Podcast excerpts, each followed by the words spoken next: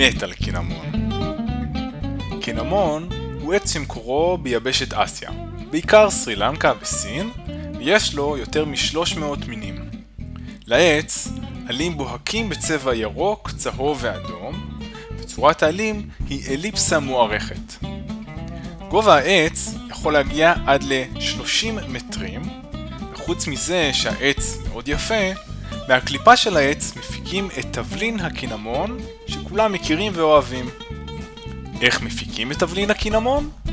טוב ששאלתם. הקליפה הפנימית של העץ היא דקה למדי, וכאשר חותכים אותה, היא מתייבשת בתוך כמה שעות לצורת מקלונים קטנים בצבע חום אדמדם. את המקלונים האלה טוחנים דק דק לאבקה, אותה אבקה שאנחנו מכירים כתבלין הקינמון. את אבקת הקינמון אפשר להוסיף למרקים ותבשילים, אבל השימוש הכי נפוץ שלו הוא בתוך מאפה קינמון, שיש לו ריח משגע ואין מי שלא אוהב אותו. לא הרבה אנשים יודעים, אבל אחד הדברים הכי טעימים שאפשר לעשות עם קינמון זה להכין מהקליפה שלו תה. כן, כן, את הקליפה המגולגלת של עץ הקינמון לוקחים עוד לפני שמכינים ממנה אבקה, ופשוט מוסיפים אותה לכוס של מים חמים.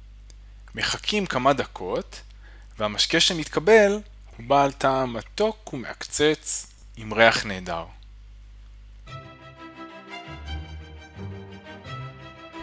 אני מת על קינמון. אתמול, כשישבתי אחר הצהריים בבית והתחשק לי משהו טעים, חשבתי שתה קינמון זה בדיוק מה שאני צריך. ניגשתי למטבח, הרתחתי את הקומקום, ותוך כדי ששלפתי את מקלות הקינמון כדי להכין את התה, שמעתי את זיזי, חבר הזיקית שלי, קורא לי. היי, hey, רז! זיזי, זה אתה? נו, מה חשבת? שזה אליהו הנביא? מה העניינים, רז? הכל בסדר, איפה אתה זיק? אני לא רואה אותך. איפה אני? זו שאלה טובה מאוד. רוצה לשמוע שאלה יותר טובה? מה? אל תגיד מה אם שמעת. אתה רוצה לשמוע שאלה יותר טובה? שאלה יותר טובה מאיפה אתה? כן, אני רוצה לשמוע. תגיד, רז, איפה אנחנו? מה זאת אומרת? אני כאן, עכשיו אני רואה שגם אתה פה ליד מקלות הקינמון, אז שנינו יחד במטבח. לא, לא, רז. לא איפה אתה ואני, איפה אנחנו. אה, אתה מתכוון איפה אנחנו, כולם, כל האנשים, כל הזיקיות, איפה אנחנו? טוב, תשובה אחת קלה היא שאנחנו על כדור הארץ. מה זה ואיפה זה כדור הארץ? כדור הארץ הוא ממש פה, אנחנו עליו, כל מי שאנחנו מכירים נמצא ממש עליו, אבל אני מניח שזו לא התשובה שרצית לשמוע. באמת, רז, אל תהיה טיפשון. אני יודע שאנחנו על כדור הארץ, אבל הוא, איפה נמצא כדור הארץ? איפה נמצא כדור הארץ זו שאלה ממש טובה, ואם תרצה, אני אשמח לחשוב איתך עליה ביחד. מצוין, אני שמח לשמוע. אה, תגיד, רז, מה יש לך שם? זה תה קינמון. רוצה לנסות קצת? קצת? מה אני, זיקית צעצוע? אני מחכה לך בסלון, ואתה בקצב שלך יכול להכין תה קינמון לשנינו, ואנחנו כבר ניפגש שם. עם כאלה הוראות, מה כבר יכולתי לעשות? הוצאתי עוד ספל, הכנתי גם לזיזי מנה אחת של תה קינמון, הלכתי לפגוש אותו בסלון. תגיד זיזי, אני שמח שבאת, ואני חושב שהשאלה איפה נמצא כדור הארץ היא שאלה מצוינת, אבל מה פתאום אתה צריך לדעת? נו טוב, הוא סיפר לי איזה סיפור מסובך על איזה בן דוד שלו בשם קופרניקוס שהוא מתכנן לפגוש לקראת האביב, הוא לא יכול לתאם איפה אם הוא לא ידע בדיוק איפה הם שניהם נמצאים? האמת, לא ממש הבנתי, אבל בגלל שלא רציתי שהתה יתקרר, לא חקרתי אותו יותר מדי בעניין. תגיד, רז, מה זה בכלל כדור הארץ? כדור הארץ הוא כוכב הלכת שעליו אנחנו חיים. מה זה כוכב לכת? כוכב לכת זה גוף גדול שנמצא בחלל, כמו לדוגמה כדור הארץ. אז אם אני הייתי בחלל, גם אני הייתי כוכב לכת? אני זיקית די גדולה. לא זיזי. כשאני אומר גדול, אני מתכוון ממש גדול. גדול כמו כדור הארץ. כמה גדול בכלל כדור הארץ? ההיקף של כדור הארץ, רגע, רגע. מה זה היקף? היקף זה אומר מה המרחק של המסלול שמקיף צורה כלשהי. נגיד, ההיקף של כדור הארץ אומר מה המרחק שהיית צריך ללכת כדי להקיף את כדור הארץ. מה זאת אומרת להקיף את כדור הארץ? זאת אומרת, לצאת ממקום כלשהו, נגיד הבית שלנו, ואז ללכת ישר ישר בלי לפנות. ולאן מגיעים בסוף? בדיוק לאן שהתחלנו. מה? איך זה יכול להיות? כדור הארץ, כשמו כן הוא, באמת כדור. תחשוב על כדור אחר, נגיד כדורסל או תפוח, שגם להם צורה כדורית. אם שמים את האצבע בנקודה מסוימת על הכדור, והולכים עם האצבע ישר ישר בלי לפנות, מגיעים בסוף לאן שהתחלנו. באותו אופן, בכדור הארץ, אם מתחילים ללכת מנקודה כלשהי ישר ישר ישר, בסוף מסיימים להקיף את כל הכדור ומגיעים לנקודה ממנה התחלנו. ההיקף של כדור הארץ, כלומר אורך המסלול שנצטרך ללכת כדי להקיף את כל כדור הארץ, הוא קצת יותר מ-40 אלף קילומטרים. תגיד רז, ואתה באמת בטוח שכדור הארץ הוא עגול? כן, בטוח לגמרי. אבל האמת שאת העובדה הזו לא תמיד ידעו. בתקופות קדמוניות היו כל מיני השערות על מה מבנה העולם. לדוגמה, ההודים הקדמונים חשבו שהעולם ניצב על גבו של צב ענק, שעומד בעצמו על ארבעה פילים. ובמצרים העתיקה חשבו שהעולם הוא עיגול שטוח השט באוקיינוס. איזה פחד! ואם אתה מגיע לקצה, אתה פשוט יכול להביט למטה ולהיזהר לא ליפול! ממש ככה. אבל אנחנו כבר יודעים שכדור הארץ הוא עגול ולא שטוח, אז אין לו קצה. מזל, אז אי אפשר ליפול. את העובדה שכדור הארץ עגול גילו היוונים הקדמונים. נהוג לייחס את הגילוי לחכם היווני פיתגורס, זה שעל שמו נקרא משפט פיתגורס. אבל עדויות היסטוריות מציעות שבעצם גילו את עובדת היות כדור הארץ עגול עוד לפניו. החכמים פרמנידס ואמפדוקלס במאה השישית או החמישית לפני הספירה, והחל מאותה תקופה, החלה להתפשט בעולם ההבנה שכדור הארץ הוא עגול. וזה שכדור הארץ הוא עגול, הפך לשימושי אי פעם? נגיד, מישהו באמת ניסה לצאת מהבית, ללכת ישר ישר ישר, ולחזור לאותו מקום? שאלה טובה. התשובה היא כן ולא. כן, מישהו ניסה וגם הצליח להקיף את כדור הארץ, ולא, הוא לא עשה את זה בהליכה. הראשונים להקיף את כדור הארץ היו משלחת שהוביל פרדיננד מגלן, שהיה מגלה ארצות מפורטוגל. בשנת 1519 יצא מגלן מהעיר סביליה שבספרד בראש צי של חמש ספינות. הצי הקיף את כל העולם ושלוש שנים אחר כך, בשנת 1522, הגיע בחזרה לסיביליה והשלים את הקפת כדור הארץ.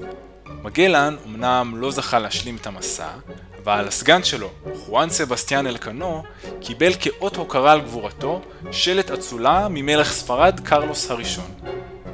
ומה היה כתוב בשלט האצולה הזה?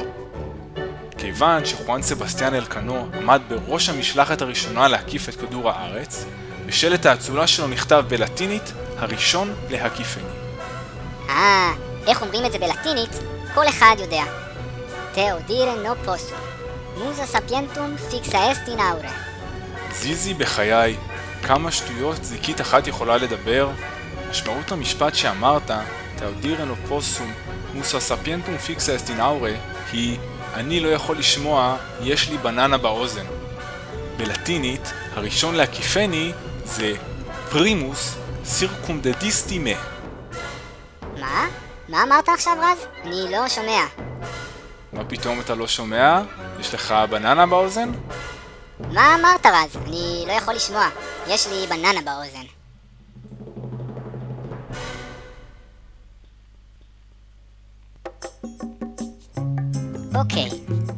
אמרנו שכדור הארץ הוא כוכב לכת, ואמרנו שכוכב לכת זה פשוט גוף גדול שנמצא בחלל.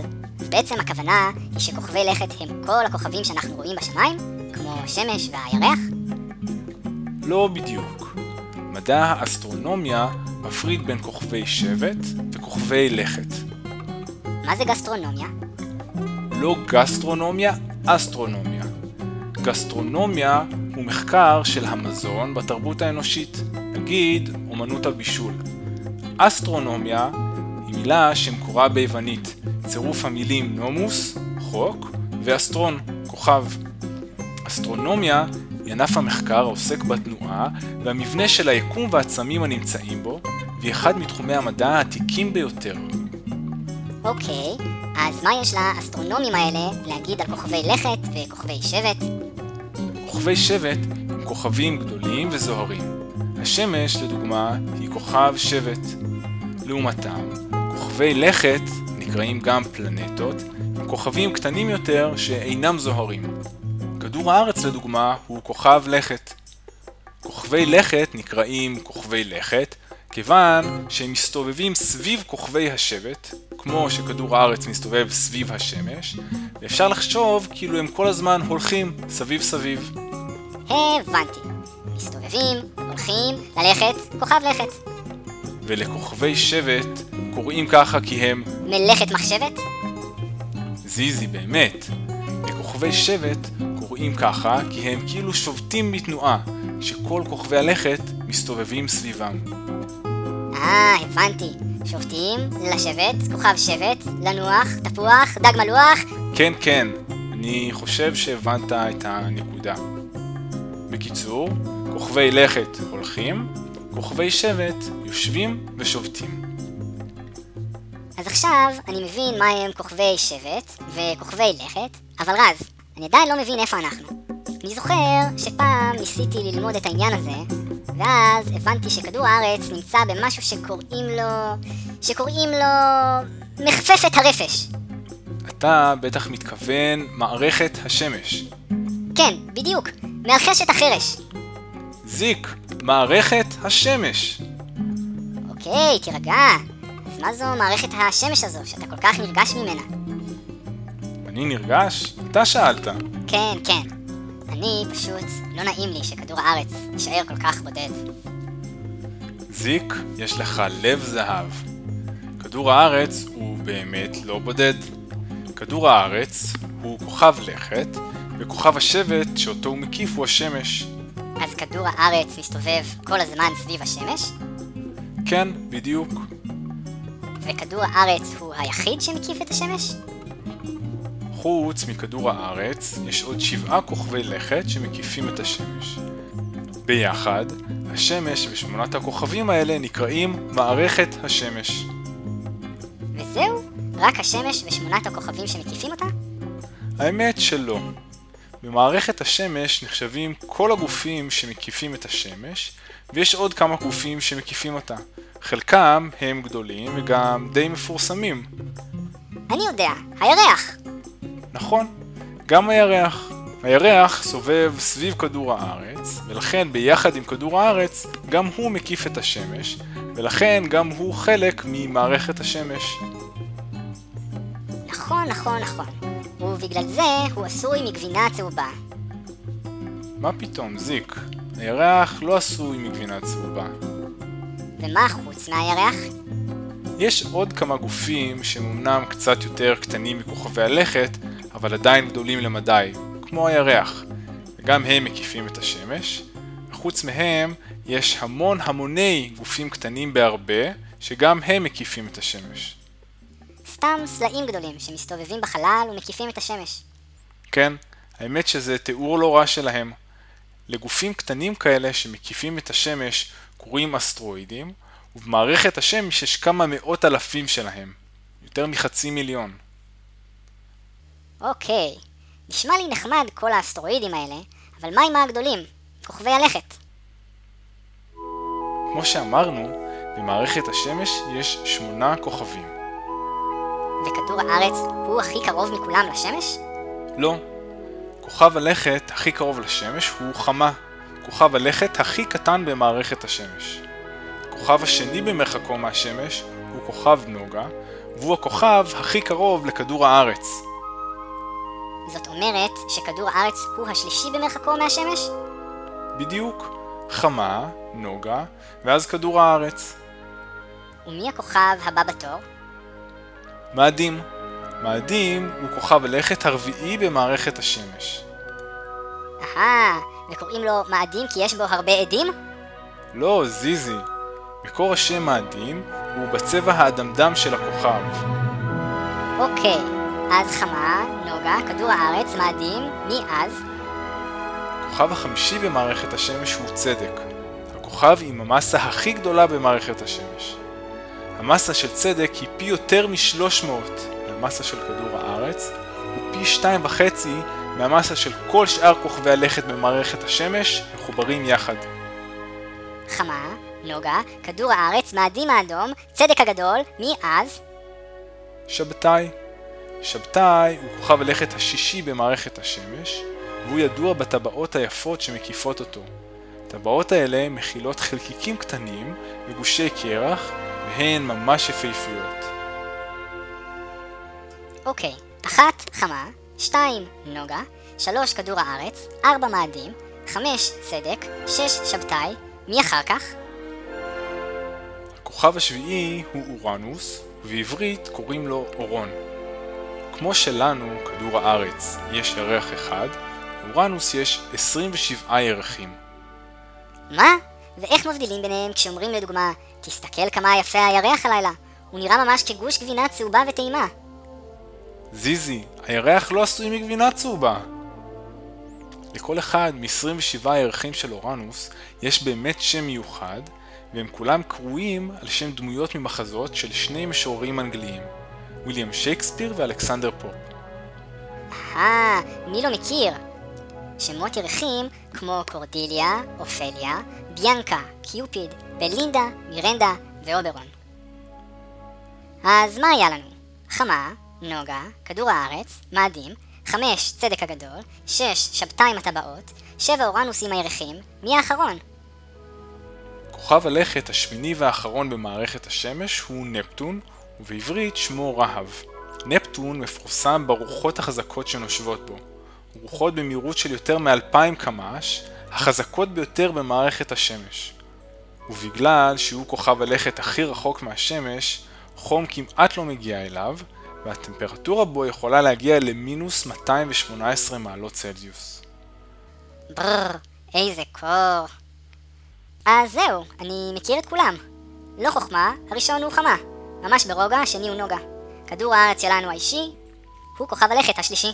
באופן טבעי, מאדים הרביעי. חמישי ענק, זה צדק הפושטק. שישים טבעות, זה שבתאי, לא פחות. שביעים ירחים, אורנוס התאים. שמיני קריר והאחרון, קריר זה נפטון, הנפטון. זהו, סוף כל סוף, אני מכיר את כל הכוכבים במערכת השמש.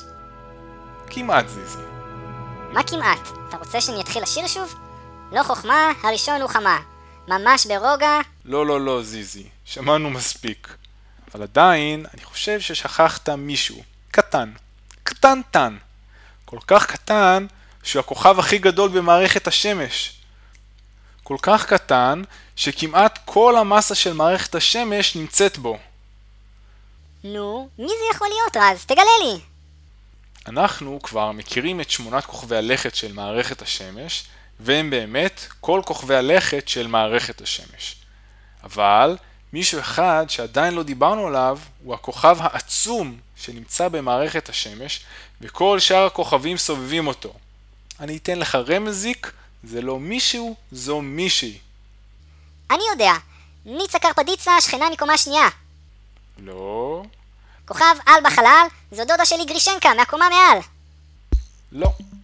הכוכב הכי גדול במערכת השמש הוא כמובן השמש. השמש מהווה 99.86%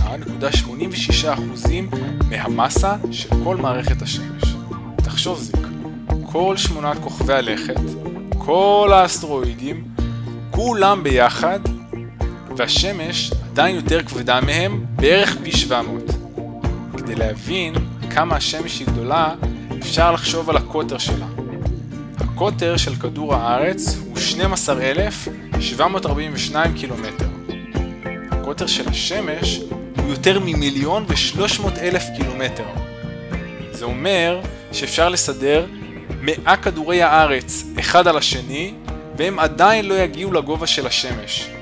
זה אומר שאפשר להכניס יותר ממיליון כדורי הארץ לתוך השמש, ושעדיין יישאר עוד מלא מקום, או אם כדור הארץ היה בגודל של ענב, השמש הייתה בגודל של גלגל ענק של משאית. עצומה. אוקיי, אז אני מבין. כדור הארץ נמצא במערכת השמש.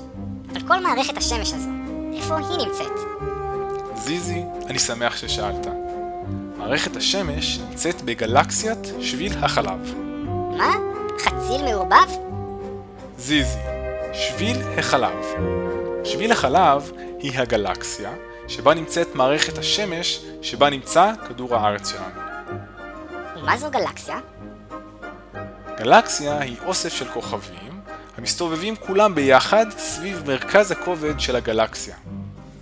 אה, הבנתי. וכמה כוכבים יש בגלקסיה? אם במערכת השמש שלנו יש כוכב אחד, השמש, ועוד שמונה כוכבי לכת, אז בגלקסיה בטח יש קצת יותר. כן זיזי, קצת יותר. כמה? עשרה כוכבים? קצת יותר? מאה כוכבים? הרבה הרבה יותר. מאה אלף כוכבים? עדיין הרבה הרבה יותר. גודל של גלקסיות מאוד משתנה, אבל באופן כללי הן מכילות המון המוני כוכבים. גלקסיות גמדיות מכילות כמה מאות מיליונים של כוכבים, וגלקסיות ענקיות מכילות מאות טריליונים של כוכבים, שזה עשר עם עוד ארבעה עשר אפסים אחריו. לדוגמה, בגלקסיה שלנו, גלקסיית שביל החלב, יש בין 200 ל-400 מיליארד כוכבים. מה? כל כך הרבה? כן זיזי, והגלקסיה עצומה בגודלה. אם היינו מכווצים את כדור הארץ שיהיה בגודל של מטבע, אז הגלקסיה הייתה בגודל של תפוח. יותר גדול, כדורסל. יותר גדול. כל הפילים, ההיפופוטמים והקרנפים בגן החיות התנ"כי יחד. האמת זיזי, שהרבה יותר גדול. אם היינו מכווצים את כדור הארץ לגודל של מטבע, אז הגלקסיה הייתה בערך בגודל של כל ארצות הברית. וואו, כמה גדול. ואיפה אנחנו בין כל מאות מיליוני הכוכבים האלה? שביל החלב היא גלקסיה ספירלית שמורכבת ממספר זרועות שצורתן בסיבוב ספירלי ממרכז הגלקסיה החוצה. כל זרוע היא פשוט צבר גדול של כוכבים שמסתובבים ביחד סביב מרכז הגלקסיה. בשביל החלב יש מספר זרועות, לדוגמה זרוע הסרגל, זרוע פרסאוס והזרוע שמערכת השמש נמצאת בה, זרוע אוריון.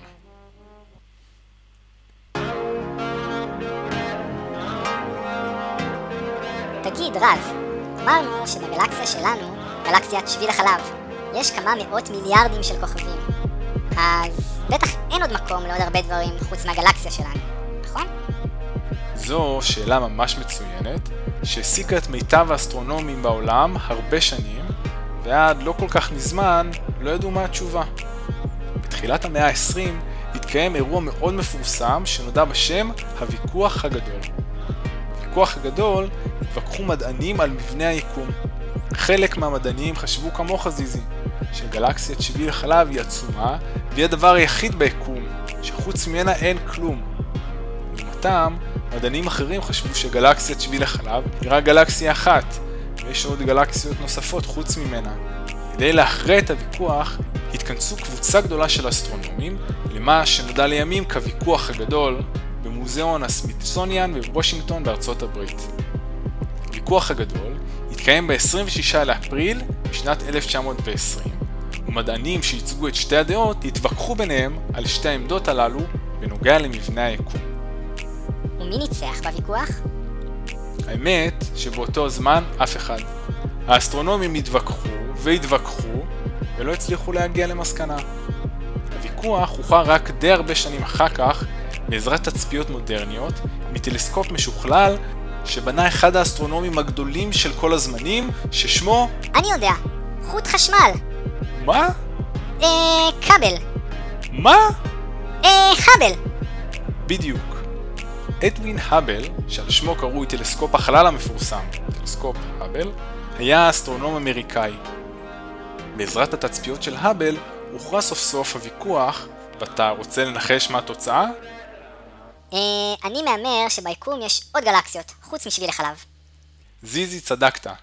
התצפיות של האבל ועבודה של מדענים נוספים אישרה את ההשערה ששביל החלב היא רק גלקסיה אחת מיני רבות.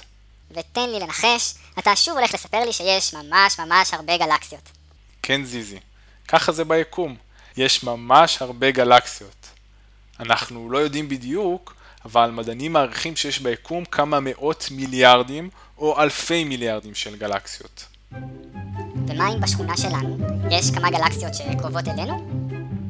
בסמוך לשביל החלב יש כמה גלקסיות ננסיות, אבל הגלקסיה הרצינית שהכי קרובה אלינו היא גלקסיית אנדרומדה. איזה יופי! אז מה דעתך רז שניסע לשם ביחד? אני כבר סיימתי את התה שלי, אבל שלך עדיין חם, אפשר לקחת אותו איתנו לדרך. זיזי, זה רעיון מאוד נחמד, אבל קצת קשה ליישום. זה פשוט ייקח די הרבה זמן להגיע לאנדרומדה. רז, עם הטרנטה שלך, רק להגיע לירושלים ייקח הרבה זמן. בוא ניקח מכונית מהירה, הכי מהירה שיש, וניסע לאנדרומדה. בואו נחשוב. המכונית הכי מהירה בהיסטוריה האנושית היא מכונית הדחף האלכוהולית Thrust SSC בבריטניה. המכונית מונעת על ידי שני מנועי סילון, וב-1997 שברה את שיא העולם למהירות של כלי רכב כשיצאה למדבר נבדה בארצות הברית, והגיעה למהירות של 1,228 קילומטרים לשעה. מעולה! בן דוד שלי, ארל גריי, גר בבריטניה, ואני בטוח שאם נבקש ממנו, הוא יוכל לסדר לנו סיבוב במכונית הזו. אז אם ניקח את האוטו החביב הזה, כמה זמן ייקח לנו להגיע לגלקסיית אנדרומדה? אם ניקח את המכונית הכי מהירה בעולם? אם ניקח את המכונית הכי מהירה בעולם ונכפיל את המהירות שלה, לא בהרבה, רק בערך פי מיליון, כדי שתגיע למהירות האור, אז נגיע לאנדרומדה תוך... בערך שניים וחצי מיליון שנים. אה, עד אז כבר יתקרר לך התה. שלא כמו אנדרומדה, שהיא הגלקסיה הקרובה ביותר אלינו, הגלקסיה הכי רחוקה שאנחנו יודעים עליה היא הגלקסיה עם השם הלא כל כך מעניין, GNZ11, שגם עליה אנחנו יודעים בעזרת תצפיות מטלסקופ החלל האבל. ואל תגיד לי, היא ממש ממש רחוקה, שאם עומדים על הראש וסופרים עד 7,000, עדיין לא נגיע. כן זיזי, בערך. GNZ11 היא ממש ממש ממש רחוקה.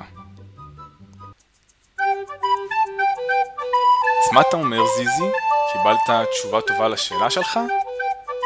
אמ, כן ולא. מה זאת אומרת? כן, אני חושב שהבנתי איפה אנחנו. על כדור הארץ. כדור עגול, שהוא כוכב לכת המסתובב סביב כוכב השבט, שהוא השמש שלנו. סביב השמש יש שמונה כוכבי לכת. חמה, נוגה, כדור הארץ, מאדים, צדק, שבתאי, אורנוס ונפטון, וכל אלה ביחד נקראים מערכת השמש. מערכת השמש היא רק חלק קטנטן מקבוצה הרבה יותר גדולה של כוכבים שקוראים לה גלקסיה. מערכת השמש שלנו נמצאת בגלקסיית שביל החלב, וכמוה יש עוד הרבה גלקסיות ענקיות ורחוקות, כמו לדוגמה גלקסיית אנדרומדה, שהיא הגלקסיה השכנה שלנו. זיזי, הכל נכון. אבל כששאלתי אותך אם קיבלת תשובה לשאלה שלך, אמרת כן ולא. לפי מה שסיפרת עכשיו, נשמע לי שלגמרי כן. אה, כן, בערך. כן, קיבלתי תשובה על השאלה איפה אנחנו, אבל לא, זה לא מה שרציתי לשאול אותך היום. מה זאת אומרת לא זה מה שרציתי לשאול? אני באוזניים שלי שמעתי. אני רציתי לשאול איפה אנחנו... נו, ואני עניתי לך. האסטרונומיה, מגלן הספרדי, הוויכוח הגדול במוזיאון הסמיתסוניאן, האבל, התצפיות והטלסקופ, המכונית המהירה בעולם, הבננה באוזן. הבעיה שלך היא שאתה לא מקשיב עד הסוף. מה? אל תגיד מה אם שמעת. אני רציתי לשאול איפה אנחנו אוכלים היום צהריים. אה, אז אתה רגוע? רגוע, רגוע, מה יש לך? בטוח רגוע? רגוע, רגוע. אז איפה אנחנו אוכלים היום? זיזי, שאני לא אתפוס אותך. כדאי שתברח לאנדרומדה. אני בורח לבן דוד שלי ארל גריי!